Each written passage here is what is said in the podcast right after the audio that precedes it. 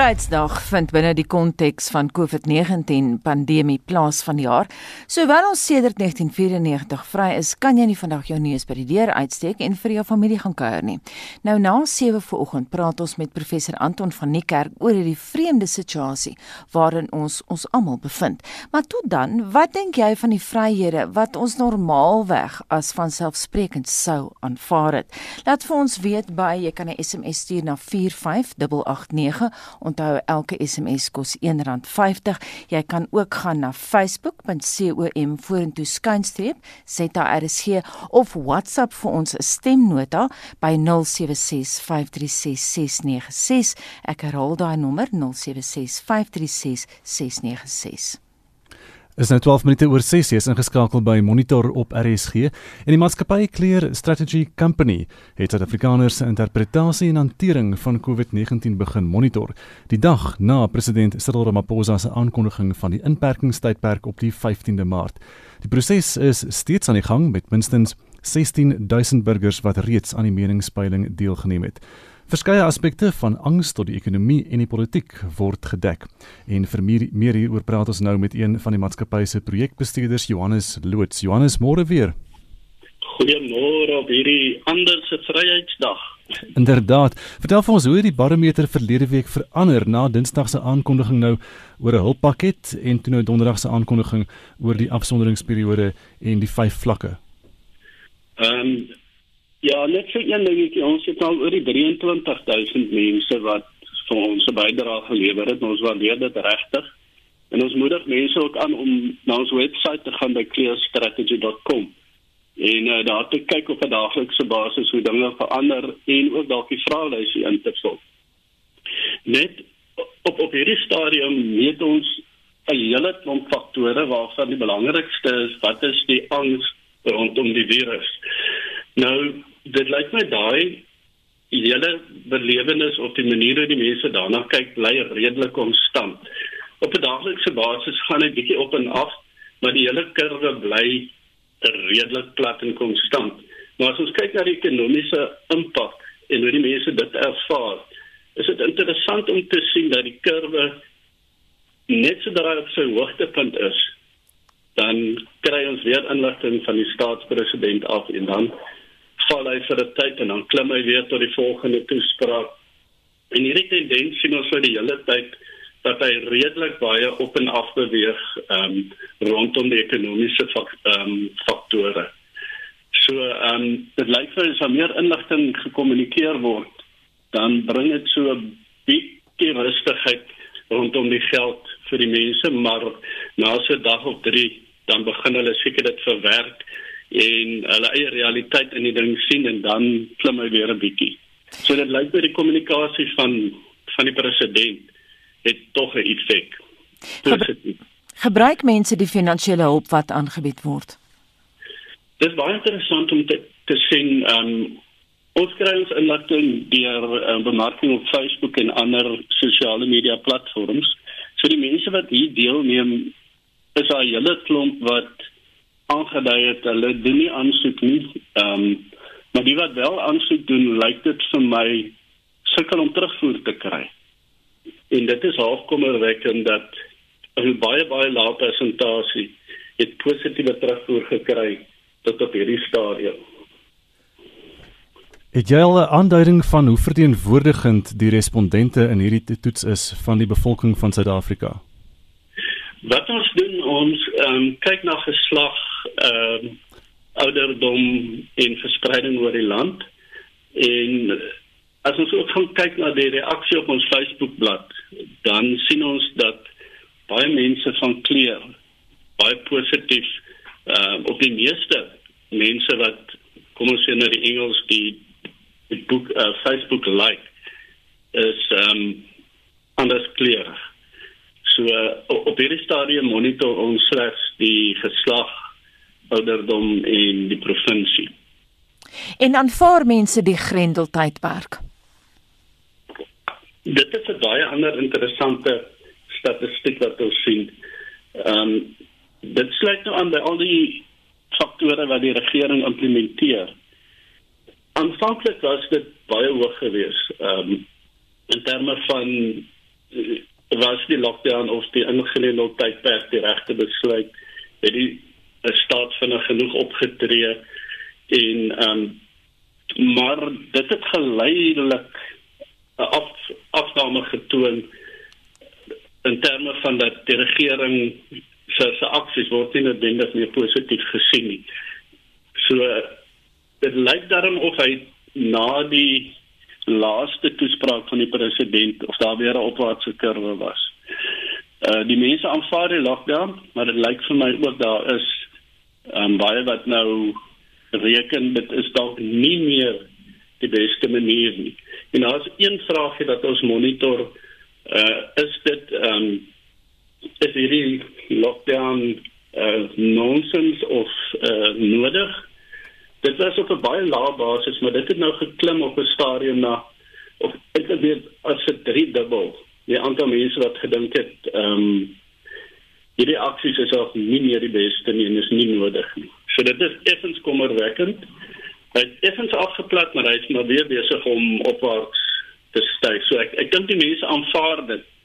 Maar alle moeiliker en ek sien ook in die media dat daar maar baie mense is wat negatief reageer en dit korrespondeer nogal met wat ons kry. Wat sê die mense gaan hulle doen as die regulasies nou ver, verslap word? Ja, ek dink dit is 'n baie interessante een. Ehm um, ons vergeet baie keer van eenvoudige goedjies waarmee ons elke dag doenig is en ons prosesse en goed. So ons begin as jy kyk na heelwat mense het gesê gaan nou weer vir 'n haarsny kan gaan. Ek gaan klere koop. Ehm um, en ek gaan by my gunsteling restaurant daai ehm um, hamburgertjie eet. Dan is daar ook baie wat gesê het en meeste eintlik ons gaan weer die bande met die familie optel. Die eerste ding wat ons gaan doen. En 'n groot klomp het gesê ons gaan weer terugwerk. Ons moet werk, ons moet geld in die hande kry en dan uit die aard van die saak die natuur bietjie die die diere weer die honde vat vir 'n stapie uh so van die mense het gesê hulle gaan met vakansie gaan. Maar interessant baie van die vakansie is dan gekoppel aan of die natuur of by hulle familie en vriende Johannes baie dankie. Johannes Loots is een van die maatskappy Clear Strategy Company se projekbestuurders. Nou 'n prominente moslimleier in Kaapstad sê die polisie behoort beter opleiding te kry oor hoe om godsdienstige byeenkomste te hanteer. Al is dit in stryd met COVID-19 regulasies. Dis nou na die polisie Saterdag 'n klopjag op 'n moskee in Mpumalanga uitgevoer het. Die klopjag is op video vasgelê wat daarna op sosiale media versprei is. Die video wys hoe die polisie die moskee binnegaan en die mense beveel om te gaan lê. Daar word herhaaldelik vir hulle gesê hulle is in hegtenis en uiteindelik sê een van die polisiebeamptes vir die mense: "Julle dink Mohammed is beter as die president." And what's going on here? Eh? All of you down. All of you down. You mean the president is crazy, ne? Guys. All of you are under arrest, under ne? Arrest. Guys, you're under arrest for contravention of COVID. You are contravening. Yes. Are you bigger than the president? Yeah? Mohammed is bigger than the president. Die voorsitter van die Gatesville Moskee in Athlone, Kaapstad, Mohammed Abdullah, sê die polisie moet beter opleiding kry om sodanige situasies te hanteer. For us as the Muslim community, we really feel the impact of COVID. We've uh, taken alternative steps where we are now doing all of those things at home, breaking our fast with our family at home. We are praying in the evenings at home, reading the Quran at home. But uh, the mosque impact being closed for us is uh, heartfelt. The mosque is uh, known for having an app. They are live on YouTube as well, and they are on Facebook as well. Die minister van polisie, Bekkie Cele, het die moslimgemeenskap intussen om verskoning gevra vir opmerkings wat as minagtend gesien kan word. Die gemeentelede is in Mbuzini in hegtenis geneem na hulle 'n godsdienstige byeenkoms probeer hou het.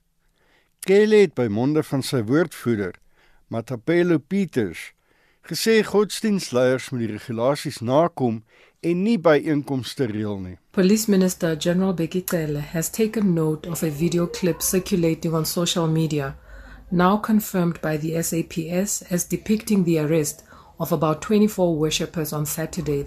The group was arrested for contravening the COVID 19 disaster management lockdown regulations in relation to the prohibition of gatherings, a matter that is currently under an urgent investigation by the SAPS to establish the identity of the person behind such sacrilege.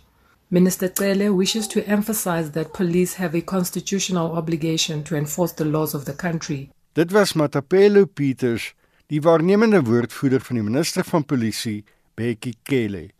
Ek is Hendrik Martin vir SAK nuus. Die Wes-Kaapse Gesondheidsdepartement sê daar is 'n toename in aanvalle op mediese personeel en paramedici in die provinsie. Verlede Woensdag aand is paramedici wat op pad was om 'n pasiënt by die Helderberg Hospitaal te gaan haal, aangeval. Die ambulans is met klippe bestook en volgens 'n woordvoerder van mediese nooddienste, Diane Bessick, het die werknemers geen ernstige beserings opgedoen nie. Emergency medical services paramedics were on their way to pick up a patient at Heidelberg Hospital to be transferred to Tigerberg Hospital when the ambulance was stoned at 23 minutes past 8 at Baden Powell and Macassar Roads in Kailicha. Fortunately, there were no serious injuries and the incident was reported to SAPS. Basic sê die aanvalle op mediese personeel en paramedici in die provinsie het vanjaar verdubbel in vergelyking met 2019 in dieselfde tydperk. There have been 16 attacks thus far, which is more than double the amount for the period January to April 2019. A concerning factor is the slight increase seen towards the end of March, with 45% of all permanent red zone areas showing an increase of more than 10%. Die departement sê hulle probeer alles in hulle vermoë om personeel se veiligheid te verseker. An employee assistance program is provided that is supporting all staff. Through our wellness program, a hotline has been made available for staff dealing with trauma, and discussions with mental health practitioners are confidential, and we are pleased that staff have been using it as a coping mechanism. EMS officials can only respond to incidents in red zone areas if they are escorted by SAPs. Ensuring a safe work environment for our staff remains our highest priority, regardless of the nominal count of attacks. We are continuously engaging in monitoring and mitigating the risk this poses to the continued provision of service delivery. We are thus always exploring new ways to ensure that our staff are able to return home safely every day. Van die uitdagings wat paramedici in gesig staar, word dan ook die inwoners se probleem, omdat paramedici gedurende die uitbreking van COVID-19 ernstig benodig word. We are currently facing challenging service pressures with COVID 19 causing major challenges in our country. This is a period when emergency medical services will be in demand at a community level, even more than usual in the public health system. The Western Cape Government Health is appealing to the public to refrain from attacking officials who are rendering a crucial service during this dire time. Anyone with information on any of the incidents should report it to the nearest police station. Dit was Dean Bessick, die woordvoerder van die mediese nooddienste en forensiese patologie dienste in die Wes-Kaap. Ek is Vincent Mofokeng vir SAI Garnis. Dis 25 minute oor 6 en 'n professor verbonde aan die Universiteit Stellenbosch se mediese fakulteit begin oormôre met navorsing om te bepaal of BCG-inentings COVID-19 kan voorkom. Die inentings word sedert 1973 in Suid-Afrika aangewend hoofsaaklik as beskerming teen tuberkulose. Babas word gewoonlik hiermee ingeënt. Die uitvoerende hoof van die kliniese navorsingsorganisasie TASK, Andreas Diakon, verduidelik hoe hulle die navorsing gaan doen. We're doing these um, experiments in humans called clinical trials. So this is all a very regulated and, and very correct and very ethical procedure. And mm. in this case, we will in, in a way that we call double blind. So we will vaccinate people either with something that looks like BCG, which we call a placebo, or with a real BCG in such a manner that neither we that vaccinate the people nor the people vaccinated will actually know what they have. And after that, we will contact them regularly, perhaps weekly, perhaps monthly, depending on how, how fast our epidemic goes. Mm. And we'll try to figure out if there really is a protection uh, provided by BCG. Die vraag ontstaan waarom BCG uit talle ander bestaande entstowwe vir die toetse gekies is. BCG is 100 years old and um, it has been all the time going through the literature that there might be a bit more in this than just protection from TB. And there is the evidence from basic science. You know, if you work with these uh, immune system cells in the laboratory, you can see that if you expose those cells to the BCG vaccine, they seem to to re- be reprogrammed in some way to look at infections differently, not only TB, but also other ones of the type that uh, COVID might be. And there's also been observations that uh, countries that have this vaccination for BCG, the children, the babies that are given it, are protected not only from TB but also from other things. So the overall mortality or the rate of babies mm. that eventually die is lower. And then now there were observations that countries that actually have such a policy in place, you know, that they vaccinate all the babies, they seem to be doing better with the COVID statistics. I mean, all this, none of this is conclusive, but there is lots of little pointers that there might be something in this BCG vaccine. Die idee word egter in baie oorde met skeptisisme begroet. If you do something interesting, there's always skeptics. it basically means that you are doing something interesting and something that should be done. So the the one uh, group of skeptics says that you know if it doesn't uh, help uh, for for TB in adults, which we know it doesn't, how would it help for COVID?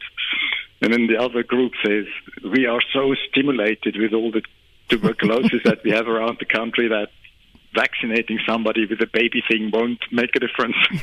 you know? yeah. so obviously, everybody has an opinion, you know, and that is actually the interesting thing. We need facts uh, to to, um, to to to know and uh, and overcome that opinion thing.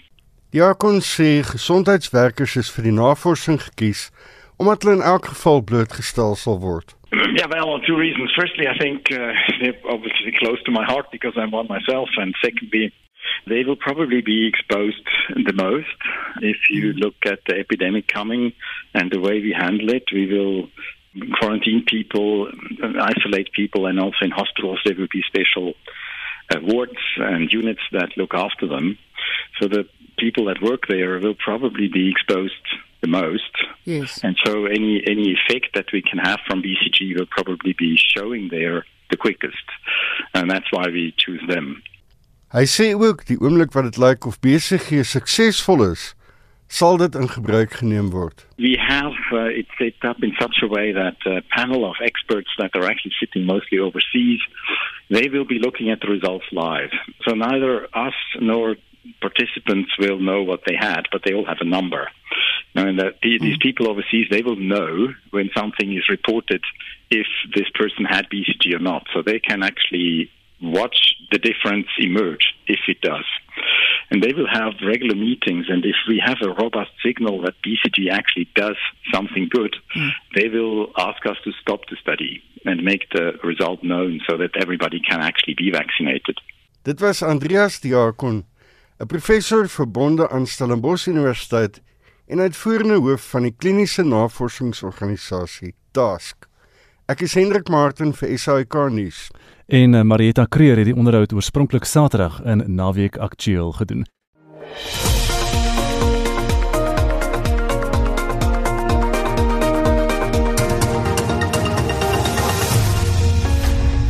Welkom by Monitor 7635 en Marlenae het nou net agter die mikrofoon ingeskuif. Lekker om jou in die ateljee te hê. Dankie Anita. Hoe lyk daai SMS terugvoer vir oggend? Ons wil weet dis vandag Vryheidsdag en ironies genoeg vind dit plaas in die agtergrond van die COVID-19 pandemie en die inperkingsregulasies. Nou in die lig hiervan wil ons weet wat dink jy van die vryhede wat ons normaalweg as vanselfsprekend sou aanvaar? Nicoline Smalman sê op Facebook dis gewis bitter om nie vir geliefdes te mag kuier nie te midde van 'n wêreldpandemie wanneer jy juis hinker na die ondersteuning en aanraking is rof. Die sielkundige impak hiervan moenie onderskat word nie om bloot te gaan stap en 'n veranderende seisoen waar te neem is ook nie moontlik nie. COVID-19 het inderdaad soos 'n dief in die nag gekom, ons rompel en ons lewens hand om 'n keer kom verander. Dan laat weet ehm um, Dion Becker uit Alberton op die SMS lyn as nasionale dienspligtige is my lewe en vryheid vryhede vir 2 jaar sonder keuse ingeperk. Wat dit betref, is die huidige inperking hoogstens 'n breeze. Mense moet ophou kerm en kla, mense lewens is op die spel en Bets Ferreira sê ons het so baie vryhede in hierdie land, maar dit gewoond geraak daaraan. Ek mis die vryheid om by my kleinkinders te kuier, kerk toe te gaan en klein dingetjies soos hare sny, koffie saam met vriendinne, braai saam met vriende, lekker wyn koop en heel laas wildtuin toe gaan.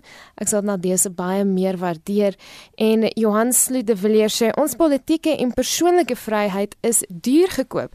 Ekonomiese vryheid vir alle Suid-Afrikaners na COVID-19 is die belangrikste doel in ons toekoms. Radikale ekonomiese hervorming is broodnodig. So kan dit nie aangaan nie.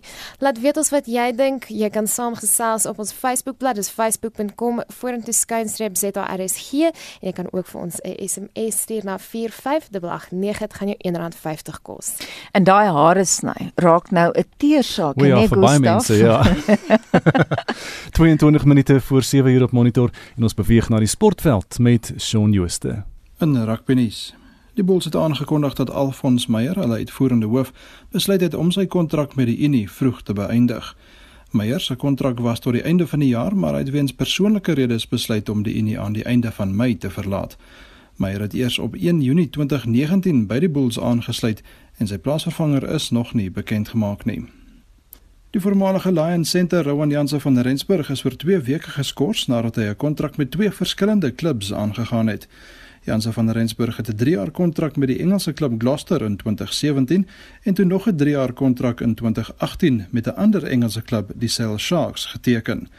Die 25-jarige is ook met bietjie meer as 760 000 rand beboet. Sy agent en die Sale Sharks is ook beboet. Janse van Rensburg het ook een toets in die groen en goud gespeel en dit was in 2016 in en teen Wallis. Sokker. Die Franse Sokkerliga het aangekondig dat spelers in die eerste liga van 11 Mei af na hulle klub sal terugkeer en volle mediese ondersoeke sal ondergaan. Die liga beoog om die seisoen vroeg in Junie te hervat met hulle goedkeuring van die Franse regering kry. Paris Saint-Germain is die voorlopers met nog 11 wedstryde wat oorbly. Die Franse beker en Liga beker toernooi moet ook nog voltooi word en PSG het na beide eindstryde deurgedring. Frankryk se nasionale sluiting eindig op 11 Mei en die land het reeds meer as 160 000 besmettings en byna 23 000 sterftes. En laastens in cricketnuus. Die Wes-Indiese eilande se toer na Engeland wat op 4 Junie sou begin en uit 3 toetse sou bestaan is tot verdere kennisgewing uitgestel. Die eendag en T20 reeks tussen Engeland en Indië se vrouespanne is ook opgeskort. Die Engelse en Walliese Kriketraad het aangekondig dat geen kriket voor Julie gespeel sal word nie. Hulle beoog om reekse tussen Julie en September te herskeduleer. Shaun Schuster, SAK Sport.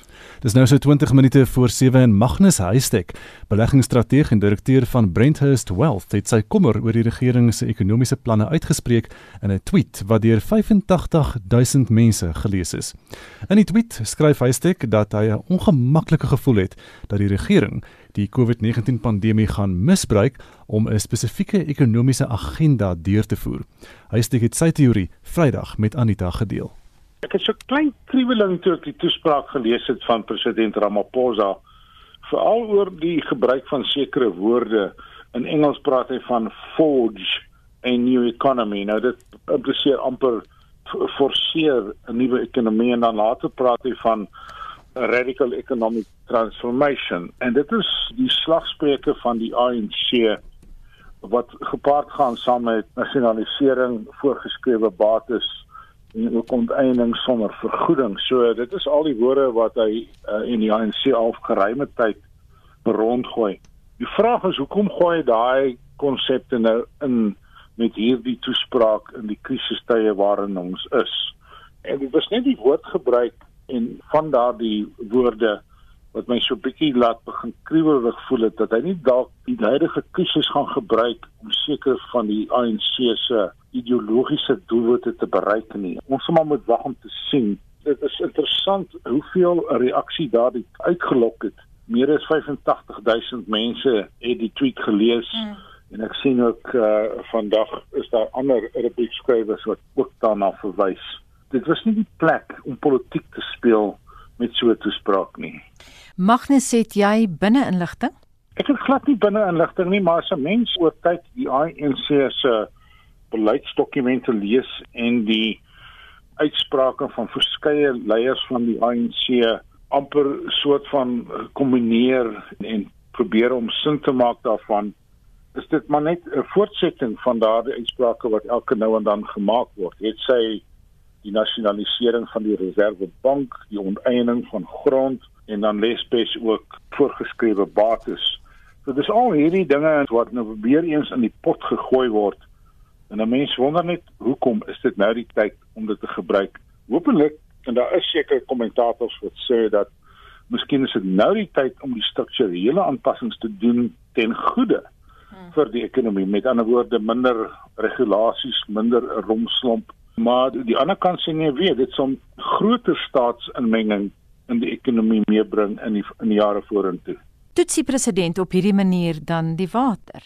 Ek sal nie verbaas wees as dit nou 'n ek dink dan mag dalk intense debatte binne die ANC wees oor hoe om die ekonomie vorentoe te bestuur. En ons het daar redelik belangrike aanpassings in die beleidstoepassing van die ANC gesien miskien subtiel vir die gewone publiek, maar dinge soos die Reservebank wat skielik begine staatseffekte koop op die sekondêre kapitaalmark. Hmm. Nou en uh, baie mense sê dit is kwantitatiewe verruiming, maak nie saak wat jy dit noem nie. So dit is 'n baie belangrike skuif van die Reservebank. Ten tweede, die Reservebank het nou al 3 keer hierdie jaar rentekoerse baie drasties verlaag en daar sprake van nog aansienlike verlagings in die res van die jaar. Nou ja, dit weer eens is dalk 'n reaksie op die die noodtoestand waarin ons verkeer, maar dis ook 'n baie belangrike beleidsverskywing van die monetêre beleid van die van die Reservebank waar ons rentekoerse dalk negatief kan raak vergeleke met die inflasie. Dis weer eens 'n baie baie skuif na links as mense so beoordeel.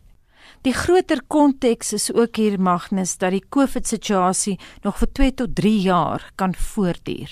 Ek sal nie verbaas wees as dit die geval is nie. Die die ekonomie het amper 'n doodskoot gekry. En so Piet Meton van TSC groep ook gesê het, weet ons moet dis nie 'n keuse tussen mense wat doodgaan en en mense wat hulle werk verloor nie. Dis al twee dele van dieselfde probleem. Die ekonomie het geweldig seer gekry en gaan vorentoe baie baie seker. Ons praat van aansienlike werksverliese. Praat van aansienlike aantal maatskappye wat nooit weer hulle deure sal oopmaak nie en dan ook 'n groot groep maatskappye wat indien hulle wel hulle deure oopmaak, sal dit in 'n baie baie kleiner skaal wees. So ons gaan weer baie diep water en veral in die sin van die gewellige skuld wat die staat moet opneem om die waarde die drif te sleep en skuld moet terugbetaal word en ons sit al reeds met rekordvlakke van skuld. So ja, ja 2 tot 3 jaar is nie uh, on, weet dit is beslis deel van die prentjie. En dit binne die konteks van verskillende denkgroepe binne die ANC om van die alliansie vennote nie eers te praat nie. Ja, van maar korrek. Dit is die, die debat het nie weggegaan nie. Dit het al vir hoeveel jare lank in in sedert 2017 baie vel en die keuses wat nou gemaak word, soos ek sê, en dit is hoekom ek so 'n bietjie skepties is oor die manier hoe daai toespraak aangepak is. Ons kan dalk groter staatsinmenging sien as wat ons ooit gesien het in Suid-Afrika wat nie altyd positief sal wees nie en dat dit lank sal vat vir die regering om sy beheer te verminder oor die ekonomie. Magnus Huystek is 'n beleggingsstrateeg en direkteur van Brenthurst Wealth. En ons bly by die storie vir sy kommentaar praat ons nou met Hugo Pinaar van die Buro vir Ekonomiese Onderzoek op Stellenbosch. Môre Hugo. Goeiemôre Anita en luisteraars. Ek gou deel jy Magnus Huystek se skeptisisme.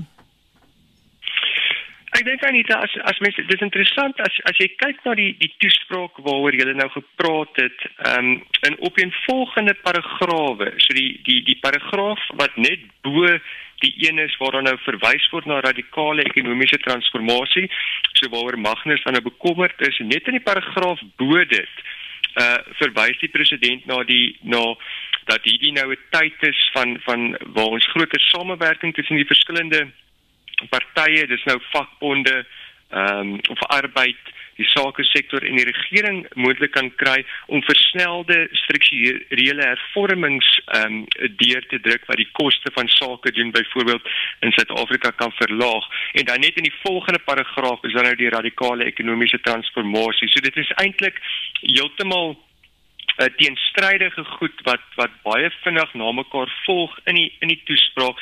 So ek sou miskien eerder sê hierdie is nou dalk weer 'n tekende voorbeeld van um, om alle partye te probeer um, uh, gelukkig te hou of kom ons sê 'n bietjie van 'n gemengde boodskap uh, wat mense uit die uit die toespraak kan neem. Ek moet sê toe ek aanvanklik die die toespraak geluister het was was mense so gefokus op die spesifieke ehm um, ondersteuningsmaatreëls wat aangekondig word dat ehm um, jy weet dat dat ek eintlik bietjie hierdie ehm um, uh, misgekyk het. So ek goed ek dink dit is goed uh, dat Magnus die die fokus ehm um, hierop sit. Maar soos ek sê vir my is dit is dit miskien bietjie meer van 'n gemengde prentjie as as spesifiek die die fokus op op op die radikale transformasie deel. Miskien net om by te voeg dat as mens na die volgende paar sinne lees dan gaan dit spesifiek oor ehm um, hierdie transformasie gaan nou, nou spesifiek oor dis wat hier staan om die ekonomiese situasie van vroue, die jeug en mense met gestremthede ehm um, uh, te, te te verbeter. Nou goed, die die vraag natuurlik dan nou is hoe hoe doen mense dan nou dit? Ehm um, doen jy dit byvoorbeeld en dit word nie toeskraap gesien ek noem dit net as 'n voorbeeld doen jy dit byvoorbeeld deur 'n basiese inkomste toelaag vir alle Suid-Afrikaners in in die land te betaal? Nou goed ons kan dit nie bekostig nie so dit dit sal dan nou inderdaad ehm um, uh, ek dink nie 'n uh, 'n uh, goeie stap wees nie. Maar net op daai punt en miskien om om bietjie teen te druk teen die die die die die feit of die die bekommernis van Magnus die die nasionale tesourier se direkteur-generaal het gister in 'n TV onderhoud is hy spesifiek gepols oor die moontlikheid van 'n basiese inkomste toelaag in Suid-Afrika en hy het prontuit gesê dat die land uh, kan dit nie bekostig nie. So, jy weet jy binne die ANC weet ons daar's daar's wesenlike verskille uh, oor waarheen ons ons op pad um, moet wees. Magnus is natuurlik reg die laaste paar jaar het dit miskien meer oorgeleë na die radikale kant as mens nou kyk na grondonteiening, die tipe van goed wat waaroor julle nou reeds uh, gepraat het, maar ek moet net sê daar is duidelik binne die veral die nasionale tesorie skop hulle nogal terug uh teen hierdie tipe van goed wat ek dink 'n uh, 'n uh, uh, positief is. So ons moet ons moet waak teen die um dat die instelling van die tesorie en dan net die reservebank ehm um, jy weet dat dat hulle gesond bly en dat die leierskap daar uh, gesond bly. Kom ons praat oor die reservebank uh, wat hy oor die reservebank se rentekoerse verlagings te sê gehad het. Wat dink jy daarvan? Ja, so kyk daar daar verskil ek waarskynlik meer uh Anita. So ek meen Magnus sê aan aan die een kant en ek moet sê dis vir my bietjie ongemaklik om nou uh kommentaar te lewer oor so direk oor oor wat iemand anders gesê het, maar nietemin, jy weet hy hy, hy sê aan die een kant dat die ekonomie doodskoot gekry het. Ehm um, maar dan sê hy dat die Reservebank se se optrede ehm um, ook dalk 'n uh, beweging na links toe kan wees. Nou ek stem glad nie daarmee saam nie. Ek meen ons het 'n ongekende BBP inkrimping hier soos Magnus ook te gek te kenne gee.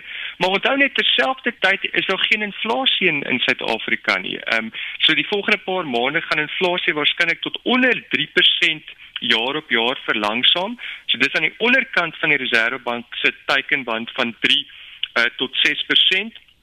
So die feit dat daar nie inflasie nie is, skep vir die Reservebank die ruimte om dan nou meer aggressief rentekoerse te verlaag om die ekonomie te probeer uh, ondersteun wat wat waarskynlik hierdie jaar tussen 9 en 10% kan inkrimp aan die ek meen ons het dit in dit, jy, jy moet teruggaan sê dit die groot depressie in die 1930s om daai tipe van inkrimpings uh, te kry. So as mens ook sê die begroting of aan die fiskale kant het ons nie ruimte om die ekonomie veel te ondersteun omdat ons skuldvlakke so hoog is. Jy weet dan dan sou ek heeltemal die teenoorgestelde sê en sê ek sou baie teleurgesteld gewees het as die Reservebank nie uh aggressief uh rentekoerse verlaag het nie. Hmm. Ehm um, so ek dink nie op hierdie stadium hoef ons bekommerd te wees oor oor die Reservebank nie. Ek hoor wat Magnus sê oor die aankope van staats ehm um, effekte. Ehm um, maar die Reservebank se president ehm um, Lesetja Ganyago was baie duidelik geweest die laaste week of so dat die Reservebank nie op 'n punt staan wat ons direk uh die ehm um, die regering se staatsskuld gaan gaan uh finansier nie. Nou ek moet ook net daar sê en en ek stem saam daarmee dat ons behoort dit nie te doen nie as 'n ontleikende mark sou dit nie 'n goeie uh, besluit wees nie maar weer eens in 'n wêreldkonteks is lande besig om dit te doen. Um, ons het juis vanoggend het het die Japanse sentrale bank na afloop van 'n monetêre beleids uh, komitee vergadering gesê dat hulle nou die beperking op die hoeveelheid staatseffekte wat wat daai bank kan koop in in Japan uh opgeskort het. So hulle kan nou basies um, onbeperk ehm um, staatseffekte koop. Nou mens moet versigtig wees 'n land soos jy en ekskuus, en natuurlik mense sien dit in in in die in die FSA ook, jy sien dit in Europa, jy sien dit in in Engeland. Nou goed, daai lande het sogenaamde reservegeld eenhede. So daar's altyd uh, vraag na hulle geld eenhede. So hulle kan hierdie tipe van stappe doen. Uh Suid-Afrika kan nie ehm um, op hierdie stadium nie. Ehm um, maar ek sê maar net mense moet ook in 'n wêreldkonteks sien waar met met hierdie ehm um, staat van inperkings word uh monetêre owerhede die fiskale mense hulle word eintlik geforseer om goed te doen wat ons nooit van tevore uh, gedink het ehm um, hulle hulle sou doen nie. Ehm um, ek wil miskien net later terugkom na daarna toe want dit dit beteken dat die besluite wat ons neem oor hoe lank ons die staat van inperking hou uh, is nogal belangrik hierso. Hy sê se tweet van laasweek is egter deur minstens 85000 mense gelees. Dink jy hy het 'n senuwee raak Ja, dit is vir my moeilik om om spesifiek daaroor 'n uh, kommentaar te ehm um, te lewer, maar ek meen dit dit is natuurlik 'n klomp 'n klomp mense wat wat natuurlik dan nou regop gesit het en ehm uh, en kom ek sê ehm um, geraak is deur uh deur deur daai tweet uh, so in alle waarskynlikheid ja. Soos wat ek in die onderhoud met sê gesê het moet alles nou binne die konteks van 'n langtermynkrisis ontleed word en ons praat hier van 'n pandemie wat volgens medisy 2 tot 3 jaar mag duur, Rigo. Ja, Anita, dit is jy weet dit is regtig ehm um, baie moeilik uh om om te sê, uh, maar maar ek het nou 'n bietjie gaan kyk en jy weet mense wat ontledings of nie ontledings nie, maar wat net terug in die geskiedenis gaan kyk het na na vorige uh, pandemies. Dit is tipies ehm um, dat jy 'n tweede vlaag ehm um, sien en jy weet en dit kan nou 6 maande later wees, dit kan ook 'n jaar later wees.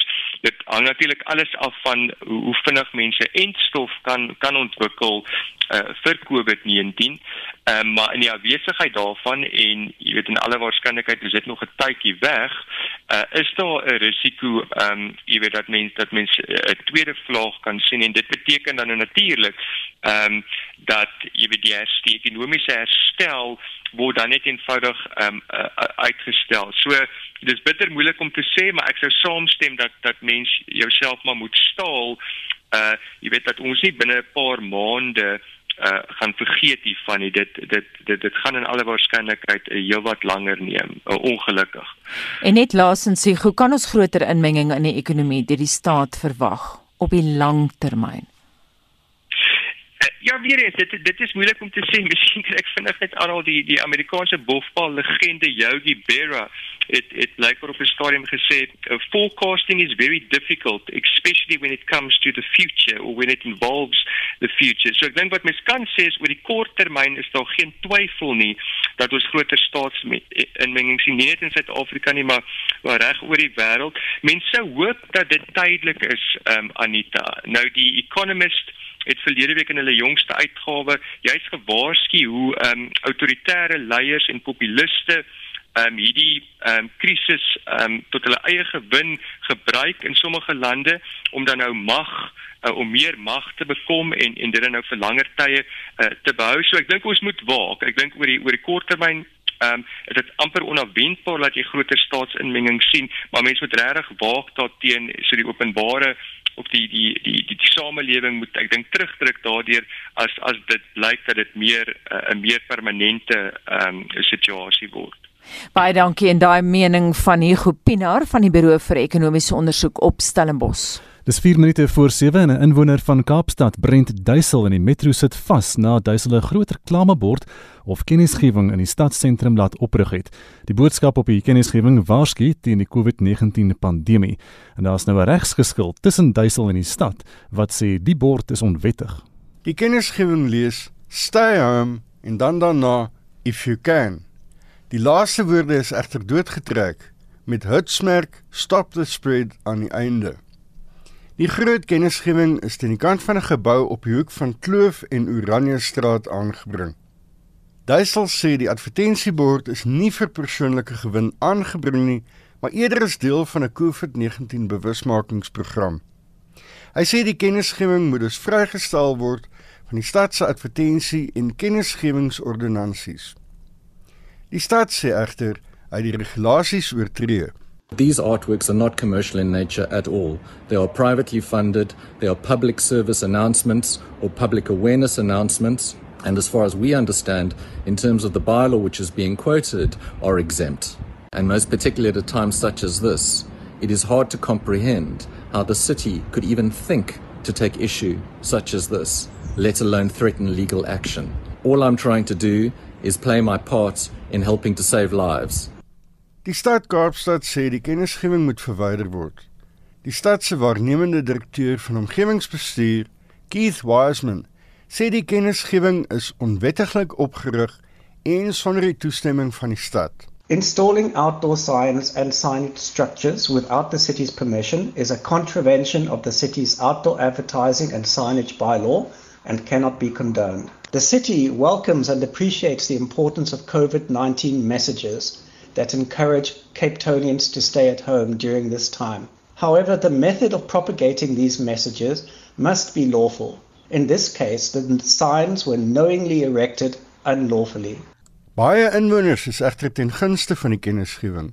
Signs like this, I think they do help uh, spread the message about uh, the lockdown, the coronavirus, things that have been uh, happening. This Every time you come out from the building, you see the sign, it remains you have to stay home. I'm actually happy personally about the sign. There's nothing wrong about the sign. I actually see the sign as a good, a good practice for all the people out there on the road, just to remind everybody that they should stay at home and stay safe from coronavirus because it is real. There are people out there that are dying. I don't see why and necessarily why it should be taken off. Intussen het 1413 mense in die Wes-Kaap tot dusver positief vir COVID-19 getoets. Die nasionale syfer is 4220. Die nasionale sterftetal is 79. Meer as 152000 toetse is landwyd gedoen. Hierdie bydra van Kobben August in Kaapstad en ek is Hendrik Martin vir SAK nuus. Dis amper 7 uur Marlene is hier met terugvoer van die luisteraars. In die lig van Vryheidsdag wil ons weet wat dink jy van die vryhede wat ons normaalweg as vanselfsprekend sou aanvaar het? John Retief sê op Facebook vryhede is dan sensitief en kontroversieel. Jou reg tot vryheid van beweging versus die staat se pogings om die virus te bestry. Ek sou staat oor die sogenaamde verslapping van inperking van vlak 5 na 4, maar daar word 'n nagklokreël ingestel. Waarom? Dit is John Retief wat so vra en uh, dan sluit ons vir nou af met Sonja Stevens wat sê Môre, dis my eerste ingeperkte Vryheidsdag sedert sy ontstaan, maar ons dink aan ons medemens en die wat nie herstel nie. Dankie uit Gouda. As jy wil saamgesels, as jy welkom om so te maak op facebook.com vorentoe skynstreep ZRSG, kan ook 'n SMS stuur. Dit gaan jou R1.50 kos en die nommer is 45889.